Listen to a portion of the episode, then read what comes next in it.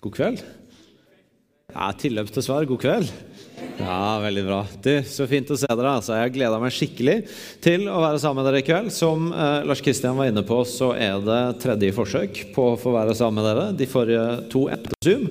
Og da syns jeg det var helt fair at jeg fikk første søndag etter gjenåpninga som en eh, kompensasjon.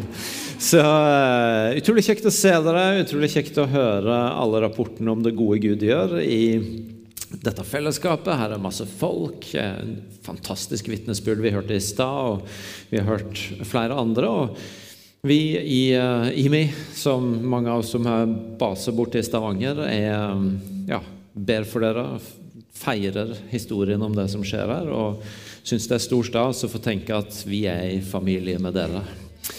Og så uh, nå snudde ikke jeg meg og så hvem som uh, mente å ha sett meg eller hørt om meg før, men jeg ser en del kjente ansikt, og det er superkjekt. Det er alltid stas å treffe folk en uh, har vært kobla på før. Og så er det masse ukjente ansikt, og det er òg superstas. For det betyr at kirka samler folk som ikke jeg vet hvem er, og som og når breier ut. Det er òg veldig bra.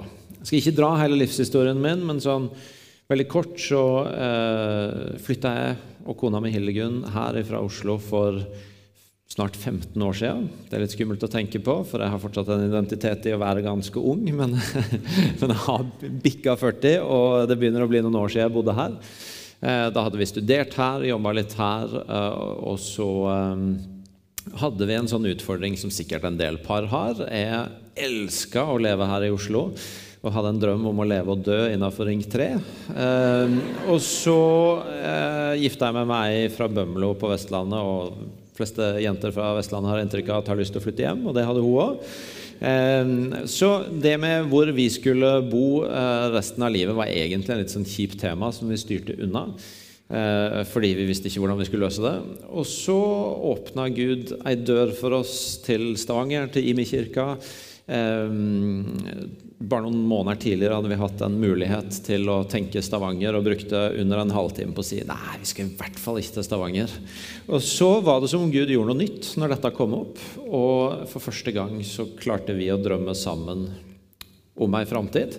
Eh, og eh, opplevde at Gud leda oss til å bli en del av den kirka. Og Det har vi vært nå i 15 år. Vi har fått tre barn. Som Lars Kristian var inne på, så har min rolle utvikla seg litt med tiden. Og veldig glad for å holde på, holde på med det vi gjør. Um, og så um, hadde jeg bare lyst til å si, fordi at uh, en av de jeg får jobbe tett med i Stavanger, det er en som heter Geir. Han er pastor for kirka som er lokalt i Stavanger.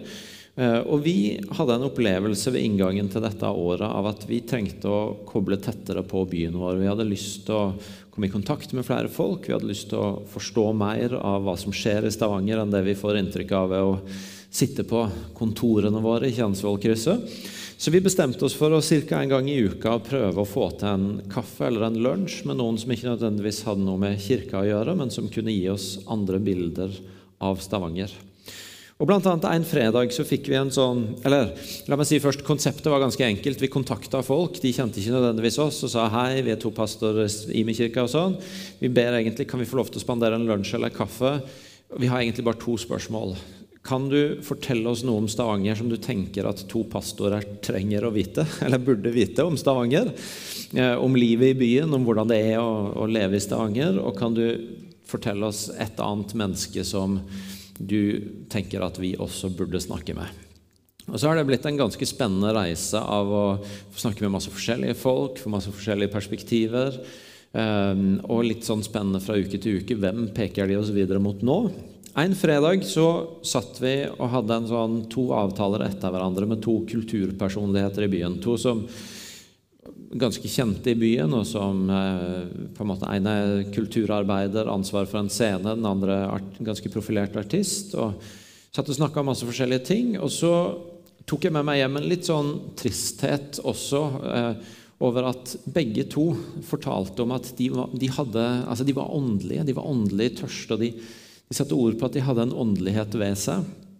Men eh, de opplevde at kristen tro det ble for trang ramme for deres åndelighet. De, tenkte, de, de så på en sånn tradisjonell kristen tro som en begrensning for det å være åndelig. Så De fortalte om sin meditasjon og, og, mange ting de gjorde for å på en måte koble på det åndelige. Men kirka og kristen tro det var liksom ikke en av delene. Og Det syns jeg var ganske trist. Jeg tenkte ganske mye på etterpå. Jeg skal ikke bruke denne kvelden på å prøve å komme med svaret på hvorfor det er sånn, men jeg tror at en av greiene med det har med Den hellige ånd å gjøre. At eh, litt for ofte så har ikke det vi gjør i kirkene våre, fått hatt det preget av at Den hellige ånd får flyte mellom oss og blant oss på en sånn måte at det vi gjør, ikke bare blir ord og program og ting vi skal gjennom, men det blir faktisk liv. Livet som Den hellige ånd gir. For den hellige ånd, Bibelen kaller Den hellige ånd for livgiveren. Og noe av det Den hellige ånd gjør, det er å puste liv inn i alt det vi gjør, og inn i alle ordene våre og alle tingene vi gjør. Um, og så er det veldig fascinerende at når Bibelen skal beskrive Den hellige ånd, så bruker den sånne ting som vind og vann. Sånne ting som du ikke kan holde på, som du ikke kan ramme inn, holde fast i hendene dine, ta kontroll på. Det er ting som Hvis du prøver å kontrollere det, så bare glipper det for deg. Det, det blåser gjennom hendene, eller det renner ut av hendene dine. Du må tåle å gi deg i kast med noe du ikke har kontroll på. Og Det er noe av det som gleder meg aller mest med både det jeg hører om det fellesskapet dere holder på å forme her, og eh, det jeg får oppleve når jeg er sammen med dere, nemlig at det oppleves som å være et sted hvor Den hellige ånd får rom. Og hvor ok, får, vi, får Lars Kristian et inntrykk, så går vi på det. og Skjer det noe i lovsangen, så er vi i det. Og så, og så blir det liv her inne i dette rommet fordi at Den hellige ånd får rom. Og Hvis jeg skulle, i forhold til det Lars Kristian sier om at vi i IMI får stå sammen med IMI-kirken-kollektivet Hvis jeg skulle si én ting som jeg håper at vi kan være med på å gi styrke til dere så er det egentlig at dere tør å være dere sjøl i det. Og tør å gå på det. Jeg tenker at jeg har jobba i menighet i ca. 20 år, og jeg veit at det å tørre å gjøre noe en ikke har kontroll på, det kan være ganske vanskelig.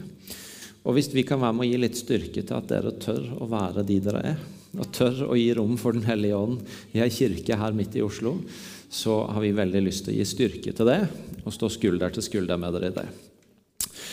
Og så var det dagens lille hilsen. Og så skal jeg egentlig ikke tale om det i dag. Jeg skal tale om noe som Lars Kristian har bedt meg om å snakke om. Og det er en verdi som ligger veldig høyt for oss i IMI, og som også er en av verdiene deres her i kollektivet, og det er godhet. Og lille sales-pitchen på 45 sekunder før jeg begynner å tale, er at hvis du syns noe av det jeg snakker om i kveld er såpass spennende at du har lyst til å vite mer, så har jeg også skrevet ei bok om det. Min gode kollega Terje Høiland sier at han leste den på en lang dotur, så den er ikke supertung eller vanskelig å lese. Den er med vilje skrevet enkelt for at det skal være ei bok for alle, og ikke bare for ledere eller superkristne. Ehm, så den er kort og lettfattelig i språket, men den forteller historier og grunnleggende prinsipper om godhetslivet. Den jeg stoler på dere, så den ligger ute på et bord der. Der ligger det et Vipps-nummer, 150 kroner, og så tar du den med og vippser hvis du har lyst på den. Men eh, som jeg sa, vi flytta for 15 år siden. Jeg, jeg flytta til IMI ikke fordi jeg tenkte jeg hadde så mye å bidra med egentlig IMI, men fordi jeg hadde lyst til å lære. Ehm, min bakgrunn apropos det jeg nettopp sa om Den hellige ånd, min bakgrunn er ikke i den gata. Men jeg hadde begynt å møte et liv og bli sulten på et liv eh, med Den hellige ånd. Og det var egentlig min primærmotivasjon for å reise, var at jeg hadde sett et liv der som jeg hadde lyst til å vokse inn i.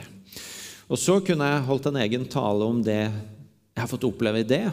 Men i tillegg til det jeg visste at jeg var sulten på, så fikk jeg også noen andre ting på kjøpet som jeg kanskje ikke visste om, men som fulgte med i det å bli en del av livet i kirka. Og en av de tinga, det er godhet. Jeg forkynner ganske mye om godhet. Jeg bruker å si at ofte når en pastor stiller seg opp og forteller, så, så forteller han litt sånn som at her var noe Gud eh, talte til meg om, og så gikk vi som enighet inn i det. og sånn. Det er ikke min historie i det hele tatt. Min historie er at eh, jeg kom til IMI og møtte godhetsfokuset, og det har forvandla meg. Det har gjort noe med meg, og jeg eh, sier det på den måten at um, jeg tar meg sjøl i å gjøre ting i dag som jeg ikke gjorde før. Ikke fordi jeg ikke ville det, men fordi jeg ikke kom på det. Og det tenker jeg at det er noe av det vi som kirke kan hjelpe hverandre med. Det er å bygge en kultur, og i dette tilfellet en godhetskultur, som gjør det lett for oss å leve et liv hvor vi velsigner andre. Um, jeg kom til IMI, da Altså, noe av startpunktet her var Jeg tror at i alle kristne fellesskap så er det en sånn tyngdelov som drar oss innover. Mot å bli innadvendt, mot å få nok med oss sjøl. Det handler ikke om at noen av oss vil det, det handler ikke om at noen av oss ønsker å være sjølopptatt. Det handler bare om at i et rom som dette så er det så mange forskjellige behov at vi kan egentlig bruke alt vi har av ressurser og krefter på å møte det. Og alt er bra. Ønsker ikke å si ett negativt ord om det. Men ikke sant? Det er, vi kan ha bønnemøter og bønnekurs, og vi kan ha samlivskurs, og vi kan ha veiledning og kommunikasjonskurs. og Hjemme på IMI så har vi til og med sånn personlighetstype kurs. Myers-Briggs. Det er utrolig hva vi kan finne på å lage for å hjelpe hverandre med ulike sider av livet og det åndelige livet. Og så er alt bra, og så er likevel utfordringa at summen av det blir en tyngdekraft som trekker oss mot å trekke innover og bruke ressursene våre innover. Og på det punktet, for 15 år siden, så hadde Martin, som leda IMI da, og staben der og teamet der, kjent at nå, nå har vi trukket for langt innover. Vi har blitt for opptatt av oss sjøl. Vi trenger å gjøre noe for å brette menigheten ut igjen. Og så dukka dette her med godhet opp. og jeg skal ikke dra hele historien på reisen med det, men noe av det som vokste fram, var en sånn årlig godhetsuke hvor en kansellerte alle andre aktiviteter i menigheten. Og så sa en denne uka, hver ettermiddag, så utfordrer vi alle på å bli med og gå ut og tjene byen gjennom sånn helt konkret, praktisk godhet. Som å male hus, rydde hager, vaske biler, gjøre små og store handyoppdrag. Velsigne folk i byen på ulike måter. Og eh, for min del så Jeg kom inn i oppkjøringa til godhetsuke nummer to. Og jeg sa i stad at eh, Der fikk jeg allerede da smake på litt av forskjellen mellom meg og Martin, som jeg har jobba veldig tett med. Martin som har besøkt dere før. Martin han er en sånn han får noe fra Gud, og så går han for det all in, og da er det egentlig ikke noe særlig annet som gjelder. Da har han bare båndtro på det. Så han sto og forkynte om at vi skal sjokkere byen med godhet.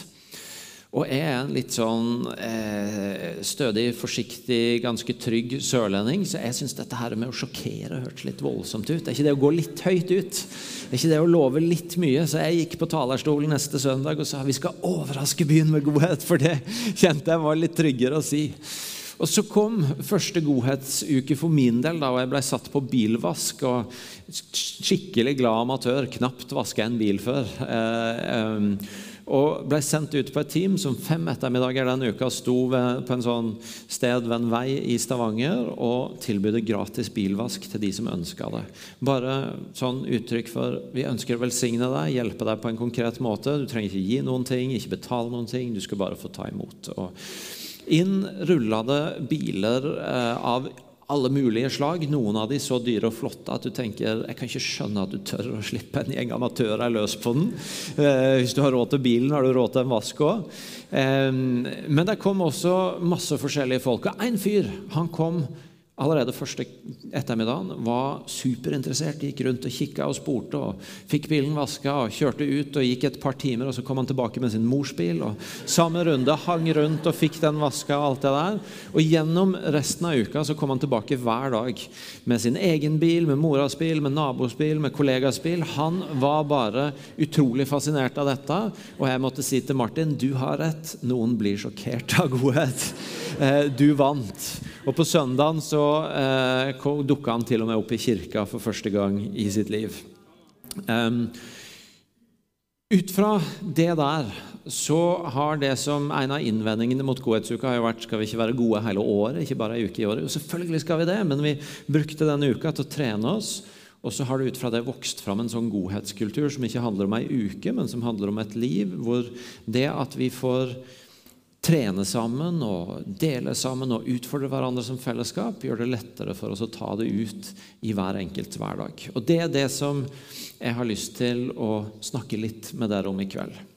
Fordi når Peter skal fortelle om Jesus i Apostlenes gjerninger 10, i en tale hvor Peter reiser seg opp og holder en av de talene eh, vi ser at han holder i Apostlenes gjerninger, så sier han i Apostlenes gjerninger 10.38 om Jesus. Først at han var fylt av Den hellige ånd og kraft, og så at han gikk omkring overalt og gjorde godt. Jesus gikk omkring overalt og gjorde godt. Med andre ord noe av helt kjernen i det Peter vil beskrive. Hvem var Jesus? Hvordan skal vi beskrive denne mannen som nå det fortsatt er så mye oppstyr rundt, og folk velger å følge og tror på, eh, og folk spør seg om hva skal vi tenke om han? Han var fylt av Den hellige ånd og kraft, og han gikk omkring overalt og gjorde godt. Og Jesus sier om seg sjøl at han Ingen har sett far, men, men den som har sett Jesus, har sett hvem far er. Jesus presenterer seg sjøl som den som Hvis vi ønsker å vite hvem Gud er, så må vi se på Jesus. Og når Jesus presenterer hvem Gud er, og modellerer det, synliggjør det, så er det noe av det som kjennetegner han, at han gikk omkring overalt og gjorde godt. Og Dette ser vi i en bredde i Jesus sitt liv. Hvordan godhet ikke bare er noe som av og til Jesus velger å gjøre nærmest som et sånt redskap han har i verktøykassa si for å, for å møte ulike situasjoner, men at det er noe som er med han uansett. Vi leser i Johannes 2 som, når, når, Johannes forteller historien om Jesus, er det første underet Johannes forteller at Jesus gjorde, det er at Jesus er et bryllup. og I det bryllupet så opplever de noe som i den kulturen var ekstremt skamfullt, nemlig at det gikk tom for vin. Ehm, dette var sånne tre dager til endebryllup hvor det var lagt utrolig mye prestisje i at vertsfamilien liksom leverte festen. Og det å faktisk gå tom for noe, det var en kjempeydmykelse. Og der er de. Og så dytter mor til Jesus litt i Jesus. Han sier egentlig 'min time er ikke kommet ennå', jeg er ikke helt klar, men hun klarer å dytte han over kanten.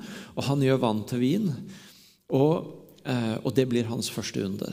Og Den historien der den har utfordra meg og provosert meg mange ganger. fordi hvis jeg fikk lov til å skrive jobbeskrivelsen til Guds sønn når han kom til jorda, så hadde jeg i hvert fall begynt et helt annet sted enn i bryllup, som holder på å gå litt eh, skeis. Blant alle ting Guds sønn kunne velge å ta tak i av utfordringer i denne verden, så hadde jeg ikke begynt med å peke på du må redde festen. Men for meg så har det å fighte med den historien blitt en synliggjøring av at eh, Guds godhet er ikke styrt av behov. Det er ikke en behovsprøvd godhet som, som, på en måte dukker opp som en greie på gitte punkt hvor hvis behovet er stort nok, eller situasjonen er alvorlig nok, ja, da, da, da kommer Guds godhet fram, for nå er det virkelig behov for det. Men godhet, det er, det er, ikke, en, det er ikke noe Gud av og til velger å gjøre men det er en beskrivelse av hvem han er. Der Gud dukker opp, der Jesus møter opp og modellerer hvem far er, der er godhet en del av det som følger. Fordi det er ikke noe Gud av og til gjør hvis behovet er stort nok, men det er noe Gud er. Og På andre sida, mot slutten av historien om Jesus, så, så møter vi f.eks. Jesus i Getsemane. Det står at han er livredd for det som ligger foran. Han kjenner angsten over at, å vite at nå går veien til korset, nå går veien til døden. Og han, han ber far, hvis, hvis, jeg kan slippe, så la meg få slippe. Men hvis du vil, så skal jeg gå veien. Og så, og så, kommer de og tar han til fange, og noen av disiplene rundt prøver å være litt på og fighte for han, og en trekker sverd og, og tar, tar, øret til han. Og da er Jesus der med en gang igjen. Nei, nei, nei, det er ikke sånn vi holder på. Og Så helbreder han øret, og så, og så går han med de som kommer for å ta han til fange. Der er denne uttrykket om å to squeeze the lemon to see what's inside of it. Og Når Jesus blir skvisa, når han ikke bare er litt sånn eh, i balanse i et bryllup og kan trylle litt vann til vin, men når han er sjøl skjelver av angst, svetten renner, det står om livet, han ville egentlig helst slippe det, så er det fortsatt godhet som kommer ut av han når han blir skvisa. Fordi godhet er ikke bare noe Jesus av og til velger å bruke for å oppnå et eller annet, eller fordi han syns at nå var alvorlig nok, men godhet er den han er. Det er en karakterting ved han, det er en karakterting ved Gud. Og Så sier jeg Salme 34, 8, Smak og se at Gud er god, at Herren er god. Smak og se.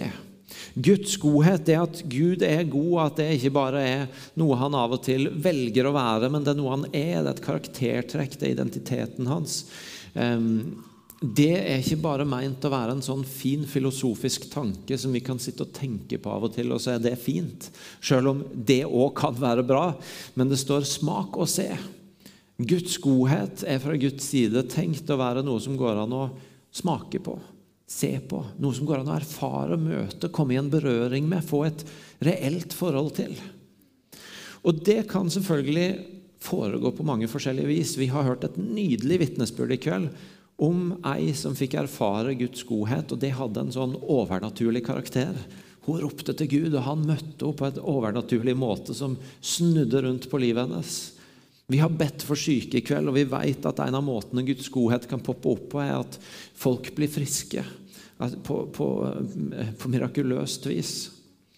Men så vet vi òg at vi lever i ei tid og i en verden hvor det er ganske mange mennesker som ikke uten videre lytter til ordene våre som kristne. Vi tror på ord. Vi tror på forkynnelse. Vi tror på ordene i denne boka, og vi tror på det å dele det vi tror på. Men samtidig så erkjenner vi at at hvis vi bare annonserer at nå er det møte i IMI, enten det nå er IMI-kollektivet her i Oslo eller i Stavanger, og vi til og med har fått inn en bedre taler enn meg, eller et fantastisk lovsangsteam, eller et eller annet, så er det ikke sånn at bare hele byen står på døra. For det er ganske mange som i utgangspunktet ikke har så mye interesse av å høre. Det er ganske mange som i utgangspunktet har lukt seg litt for det. Og da er i hvert fall vår erfaring at for en del mennesker så er det å begynne å få en smak av at Gud er god, og begynne å komme i en posisjon hvor en åpner opp for noen nye spørsmål, noen nye tanker, noen nye eh, perspektiver på hvem Gud kan være, det begynner for en del mennesker med å rent konkret få en smakebit av Guds godhet gjennom at noen velger å velsigne dem. Velger å gjøre noe godt mot dem, som der hvor ordene våre ikke når inn, så når den konkrete, praktiske godheten inn. Um, og hvor det på en måte blir startpunktet for å kunne si å, um, kanskje jeg må gjøre meg noen nye tanker om Gud, om kirka, om kristne. Det kan bli starten på en reise. Martin, som jeg siterte i stad, som var med å starte Godhet og har hatt en kjempeviktig og har det fortsatt i IMI, um, han bruker å si at folk har ikke sagt nei til Jesus de vet bare ikke hvordan han ser ut. Sagt på en annen måte, Det er ikke så mange mennesker jeg har i hvert fall ikke møtt så mange av de, som har en veldig klar forståelse av at Jesus er god, og han vil meg bare godt, men jeg vil ikke ha noe med det å gjøre. Det er stort sett sånn at eh, det er andre bilder, eller mangel på bilder, av hvem han er, som gjør at han også ikke oppleves som interessant, relevant, eller noe en holder på avstand. Og da er godhet, det å velge å eh, velsigne, er en av måtene som kan åpne opp for nye spørsmål. Og Med det som utgangspunkt så har jeg lyst til å gi dere tre perspektiver um, på det med godhet. Fordi Helt siden vi starta, har vi hatt en tagline på godhet. Stå på fronten av boka. 'Små ting gjort i kjærlighet forandrer verden'. Igjen så har du forskjellen mellom meg og Martin. Jeg kunne kanskje tenkt meg å ha sagt 'små ting gjort i kjærlighet kan bety en fin forskjell. Men Martin han går all in og sier små ting gjort i kjærlighet forandrer verden. Og jeg har sett at det er sant. Han vant igjen. Han har rett. Små ting gjort i kjærlighet forandrer verden. Og Det første jeg har lyst til å snakke om i kveld, det er dette, eller jeg har lyst til å snakke litt om det med for det første var det helt feil å si det første jeg har lyst til å snakke om i kveld, for jeg snakka i 20 minutter. Men eh, eh, eh, av de tre punktene Det første handler om disse små tinga. Små ting som har en stor verdi. Fordi eh, vi lever i en verden hvor det store ofte blir gitt veldig stor betydning. Hvor mange som kommer i kirka, hvor mange følgere du har på sosiale medier som kan gjøre deg til en influenser, hvor mye penger du tjener, hvor, eh, hvor mye av ulike ting. Vi er ofte veldig opptatt av det store, av mengden. Og så har vi samtidig med oss ei bok som egentlig snakker ganske varmt om kraften og muligheten som ligger i det lille. Ei bok hvor det f.eks. står om dette lille sennepsfrøet som kan vokse til et stort tre og bety en kjempeforskjell i Guds rike. Eller en gud som gjentatte ganger velger ut en fra den minste og laveststående slekta. Han velger til og med gjerne ut minstemann, yngstebror, i den slekta. Fordi han også viser noe om at det lille kan få en stor betydning. Og godhet For oss har det vært superviktig med godhet, at det ikke skal handle om disse her svære, prangende tinga som gjør at det er noen ekstra ivrige, ressurssterke folk som tenker ja, det kan jeg gjøre. Men at godhet kan være noe som alle, uansett hvor mye krefter du har, hvor mye penger du har, hvor mye overskudd du opplever, hvor stort nettverk du har, hvor, mange, ja, hvor mye du har å by på eller som menigheter, uansett om du er en stor menighet eller ei lita huskirke, at alle kan gjøre det. Fordi utgangspunktet er så enkelt. Det er små ting gjort i kjærlighet. I denne boka her, den begynner med en historie om eh, for noen år tilbake, når vi fikk en tanke i IMI om at vi ønska å gjøre noe godt for muslimer i byen vår. Eh, vi hadde hørt ganske mange historier om hvordan muslimer opplevde ganske mye av den sånn litt skjulte hverdagsrasismen. Sånne, sidebe, sånne lave bemerkninger du akkurat får med deg på jobben. Det at det alltid er du som blir valgt ut til et par ekstra runder i sikkerhetskontrollen. Blikka som blir sendt, osv. Vi tenkte nei, vi tror ikke på det samme, og, og, og, og vi ser det. Men, men vi har ikke lyst til at noen i vår by skal oppleve at de er ikke velkomne her. Og vi tror uansett ikke at måten å nå noen på med Guds godhet er frykt eller avstand eller, eh, eller distansering. Skal vi, skal vi, nå noen, så må vi elske dem. Så vi fant ut at vi hadde lyst til å utfordre kirka vår på å gi en takkegave, en kollekt, eh, under en gudstjeneste. Og så gi den gaven til Muslimsk råd i regionen og si dette er ikke til religiøs aktivitet, vi anerkjenner at vi tror forskjellige ting, men dette er til at dere kan gjøre noe bra blant deres barn og unge, eh, for at de skal kjenne seg mer hjemme i byen vår. Folk ga raust. De ga 30 000, over 30 000 kroner. og vi tok med oss en sjekk, og vi tok med oss ei svær marsipankake. og Vi dro ned til moskeen, og de tok oss imot. og Vi kom inn, vi drakk kaffe, vi spiste kake, og så kom denne her sjekken. Og så var det også noen media som hadde møtt opp og fått med seg dette her. Og så hører jeg han journalisten spørre, eh, spørre han lederen eh, hva, hva syns du om dette her da? Hva syns du om den gaven dere har fått? Og sånn. Og så sier han jo, kaka smakte godt, og pengene er vi glad for, de skal vi bruke godt. Men det som virkelig gjør inntrykk, det er at noen kommer til oss med en vennlig ånd. Jeg trodde at det skulle være den store sjekken som ga wow-effekten. Men for han så var sjekken hyggelig. Men det som virkelig betydde noe, det var det som for meg var lite. Nemlig at det kom noen og bare sa 'Vi vil dere godt'. Vi ønsker at dere skal føle dere velkomne her. Sist november så døde min pappa, og det var ei tid for sorg. og jeg fikk oppleve i den tida, i en tid også hvor med lockdown og sånn, så treffer du folk mindre enn ellers. ikke sant? Og du kan føle deg litt sånn isolert i, i, sorgen. Så fikk jeg oppleve hvordan en gammel kollega kommer, reiser en ekstra tur for å komme på døra og bare gi en blomst i døra. Jeg fikk oppleve hvordan noen kom og hadde bakt boller til oss. Noen sender en morgenlevering. Og så, og så er alle tinga hver for seg små ting som du tenker ingenting av det gir meg pappaen min tilbake. Og allikevel så berører det dypt. Fordi at det, det sier noe mer enn tingen i seg sjøl. Og det er det jeg vil si om små ting, nemlig at de betyr De er små ting, men stor betydning. Fordi det handler ikke om selve handlingen, men det handler om det den sier. Nemlig at 'jeg ser deg, jeg bryr meg om deg, du er verdifull'. Jeg gir deg verdi. Og ganske små ting som en pose boller, som en blomst, som en ekstra kaffekopp, som et vennlig blikk, som et vennlig ord. Eh, som det å gå og ringe på døra til den naboen ingen snakker med, det å sette seg ned på eh, forelesninger med den som alltid sitter alene. Små, enkle ting kan ha en stor betydning fordi det sier noe mer enn selve handlingen. Det sier at 'jeg ser deg, jeg bryr meg om deg, du har verdi'.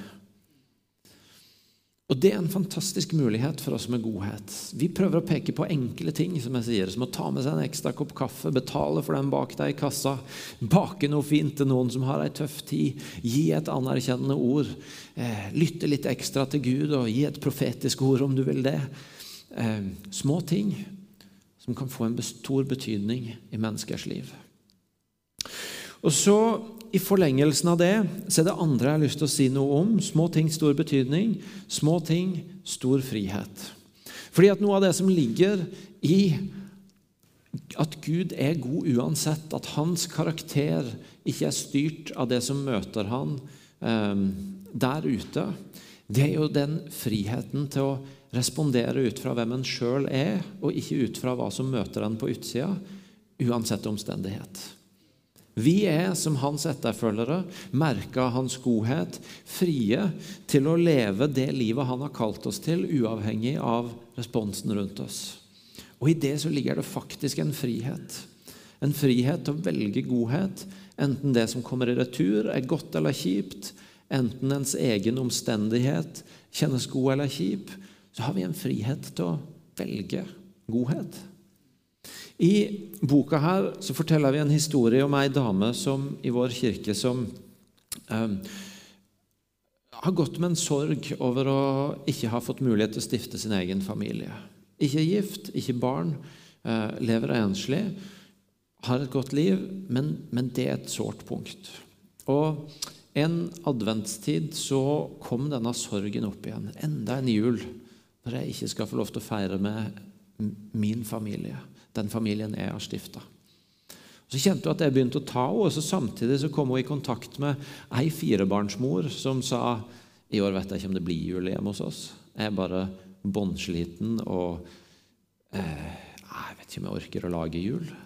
Og Så kom jeg i kontakt med ei annen som, som, hadde andre omstendigheter som gjorde at hun bare visste ikke åssen jula skulle bli. Og så, og så fikk denne dama for seg jeg skal bake noe godt til dem. Jeg skal være med å hjelpe dem å lage jul. og Bake julekaker til dem og være med å gi dem noen av de tingene som gjør at jul føles som et fjell. Og så skriver hun det er ikke slik at man kan rømme fra sin egen sorg. Den er der, og den er sann, og den hører med til livet. Men for meg snudde desemberfølelsen når jeg valgte godhet foran selvmedlidenhet. Jeg opplevde plutselig meg sjøl som kraftfull og viktig, og kjente på en stor glede over å være en som kunne bety en forskjell. De som mottok julekakene, blei veldig glade, men jeg vet at Gud kalte meg til godhet primært for å velsigne meg. Gud har noen ganger finurlige måter å vende sorg til glede på. Julebakst godhetfestival kan være en av dem. Det er noe med friheten i å få lov til å velge godhet uavhengig av omstendigheter. Det er en teolog som heter Ronald Rollheiser, som skriver, fritt oversatt til norsk fra meg Vi kan ikke tvinge andre til å velsigne oss, men vi kan velsigne andre, og det er vår frihet. Hvis vi velsigner andre, så vil det ikke gå lang tid etterpå før hjertene våre vil føle en sånn overvelda glede som vil helt på egen hånd si Gud, det føles godt å være levende. Når vi handler som Gud, så får vi lov til å føle oss som Gud. Og Gud er aldri deprimert. Det er en frihet i å få lov til å velge og velsigne. En teolog som heter Oskar Skarsaune, han snakker om godhetens kreativitet. Det at i den friheten så ligger vår mulighet til å snu situasjoner. Der hvor verden rundt oss gjerne tilbyr å bare ha en sånn runddans av hvis du er kjip mot meg, så er jeg kjip mot du, og fram og tilbake, så gir godhet en frihet som også skaper en kreativitet til å snu situasjoner. Jeg fortalte et banalt eksempel på gudstjenesten i stad om for noen år tilbake, når avisa Vårt Land eh, skrev en ganske kritisk kommentar om, om også godhet. Eh, de syntes godhet var bra, men de syntes vi snakka altfor mye om det. og De syntes det hadde vært mye stiligere om vi bare gjorde godhet og ikke prata så mye om det. Og Vi syns det var litt unfair, fordi vi snakker ikke om godhet for å skryte av oss sjøl, men fordi vi har lyst til å inspirere andre til å bli med på den samme bevegelsen. Så noen av oss var på vei mot tastaturene for å skrive motinnlegg og debattere og sånn. Og så var det sånn ah, Nei, krangle i avisa er ikke helt godhetsveien. Ehm, så vi ringte et konditori og bestilte ei stor marsipankake. Og så skrev, fikk de bare til å skrive på den Vi tror fortsatt at små ting gjort i kjærlighet forandrer verden. Og så sendte vi den til redaksjonen. og så sto det på baksida av avisa dagen etter bilde av kaka, og så 'nåde over nåde'. Ehm, det er jo et banalt eksempel, eh, men det er en illustrasjon på godhetens frihet og på godhetens kreativitet. Små ting, stor betydning. Små ting, stor frihet. Og til slutt små ting, stor visjon. Fordi Selv om vi snakker om små, enkle, hverdagslige ting, så tillater vi oss faktisk å tro at i dette her så ligger et redskap for meg og for du til å være med og være et svar til noen av de store utfordringene i vårt samfunn og vår verden akkurat nå. Vi lever i et samfunn hvor før covid var ensomhet betegna som en folkesykdom. Og under covid så har FHI gitt ganske skarpe tall om hvordan ensomheten har økt. Ikke minst blant mange i den aldersgruppa mange av dere som sitter her nå, er i. Det er en kjempeutfordring. Og Samtidig så lever vi i et samfunn hvor det vi gjerne kaller polarisering, bare en større utfordring. Det at vi står og snakker om hverandre og, og til hverandre, men altfor sjelden evner å sette oss ned og snakke med hverandre, komme inn til hverandre, forstå hverandre bedre, krysse grenser for å komme inn på å se at karikaturene våre faller, og vi er mer enn det vi ser på avstand. Og så er det noe i dette kraftfulle, enkle, hverdagslige redskapet av å komme nær. Velge å lene seg inn mot andre i stedet for å lene seg tilbake og enten tenke 'jeg skal ikke være til bry', eller 'jeg orker ikke å komme nær de som er så annerledes enn meg'. Det å velge å lene seg inn. En historie igjen fra boka her er om eh, Hege og Sindre som for noen år tilbake opplevde noe av det vanskeligste foreldre kan oppleve, eller det vanskeligste, nemlig at deres ett år gamle datter døde i en ulykke i hjemmet. Og det ble kjempevanskelig, selvfølgelig fordi det var en utrolig rå og vond sorg. Men det ble enda mer vanskelig fordi Hege og Sindre også sørga så forskjellig. Og det ble en utfordring mellom de. Så der Sindre ville ut og ha avstand og få luft og space, så ville Hege snakke og prosesse seg gjennom det som hadde skjedd. Og så, og så dunka de. Og så blei det som allerede var vanskelig, enda vanskeligere. Og Så skjer det en dag at Frode, som er i cellegruppe med Sindre, han, han, han kjører forbi huset og så tenker han, ah, i dag skal jeg stoppe innom de og se åssen de har det. Og Så kommer han inn, og så merker han bare med en gang at her er det spenning i lufta. Her er, her, her er det ikke godt. Og så tør han å gjøre det som mange av oss han kanskje hadde trukket oss ut fra. Nemlig han tør å, å lene seg inn og si noe om det. Han sier, 'Du, dere to må snakke sammen.' Det, det er nesten så en kan skjære i lufta her. Men dette handler ikke om dere to, det handler om at Thea er død. Og så forteller de mange år etterpå at for de så blei den episoden startpunktet og en del av reisen tilbake mot det å i dag kunne si at sorgen er med, men vi har et godt liv. Det at noen valgte å lene seg inn, komme nær gjorde et stort inntrykk på meg for et par-tre år siden å sitte og høre på Brian Stevenson, en amerikansk advokat som um, uh, kunne gjort suksess på mange måter i, i, det yrket han har, men som har valgt å bruke mye av tida si på å, å kjempe for mindreårige dødsdømte i det amerikanske rettssystemet. Valgt å kjempe for de som egentlig ingen andre har lyst til å ha noe med å gjøre. Og Så skriver han i boka si om kraften i å, å komme nær. The power of proximity. Ved å velge nærhet har jeg lært noen grunnleggende og ydmykende sannheter, inkludert denne. Vi er alle sammen mer enn vår verste handling. Mange av oss har lært at det er bestemte steder og mennesker vi bør holde oss unna. Jeg tror det er motsatt. Når vi velger avstand til de som av ulike årsaker har det vanskelig, får vi bare større problemer. Når vi kommer nær, lærer vi det vi trenger for å skape sunnere og tryggere samfunn. Små ting gjort i kjærlighet kan være noe av svaret på de store utfordringene i det samfunnet vi lever i. Ensomhet og isolasjon, polarisering. Noen som velger å lene seg inn istedenfor å lene seg tilbake. Noen som velger å komme nær i stedet for å holde avstand. Så små ting gjort i kjærlighet, små ting stor betydning, små ting stor frihet, små ting stor visjon. Vi tror at godhet er et redskap for å gjøre Guds godhet tilgjengelig, og for å være med å forandre samfunn. Og så, helt til slutt, så har vi denne setninga hos oss som har blitt selve merkelappen eh, på det å leve i godhetskulturen. Og Nike rappa det dessverre før oss, men vi tar det tilbake og sier det enkelt og greit just do it. Just do it. Det handler så mye om at jeg og du så mange ganger i vår hverdag har enkle muligheter til å velsigne folk. Enkle muligheter til å lene oss inn. Og så handler det litt om hvorvidt vi velger å handle på det eller ikke. Om vi velger å lene oss inn eller ikke. Om vi ser noe som berører oss, og spør Gud kan du sende noen til de? Og hvis vi velger å være stille i et halvt minutt, så er sjansene ganske gode, store for at Gud sier 'gjør det sjøl'. Just do it. Små og store muligheter hver dag. Det handler om å se folk, det handler om å komme nær, og det handler om å handle på og gripe de mulighetene.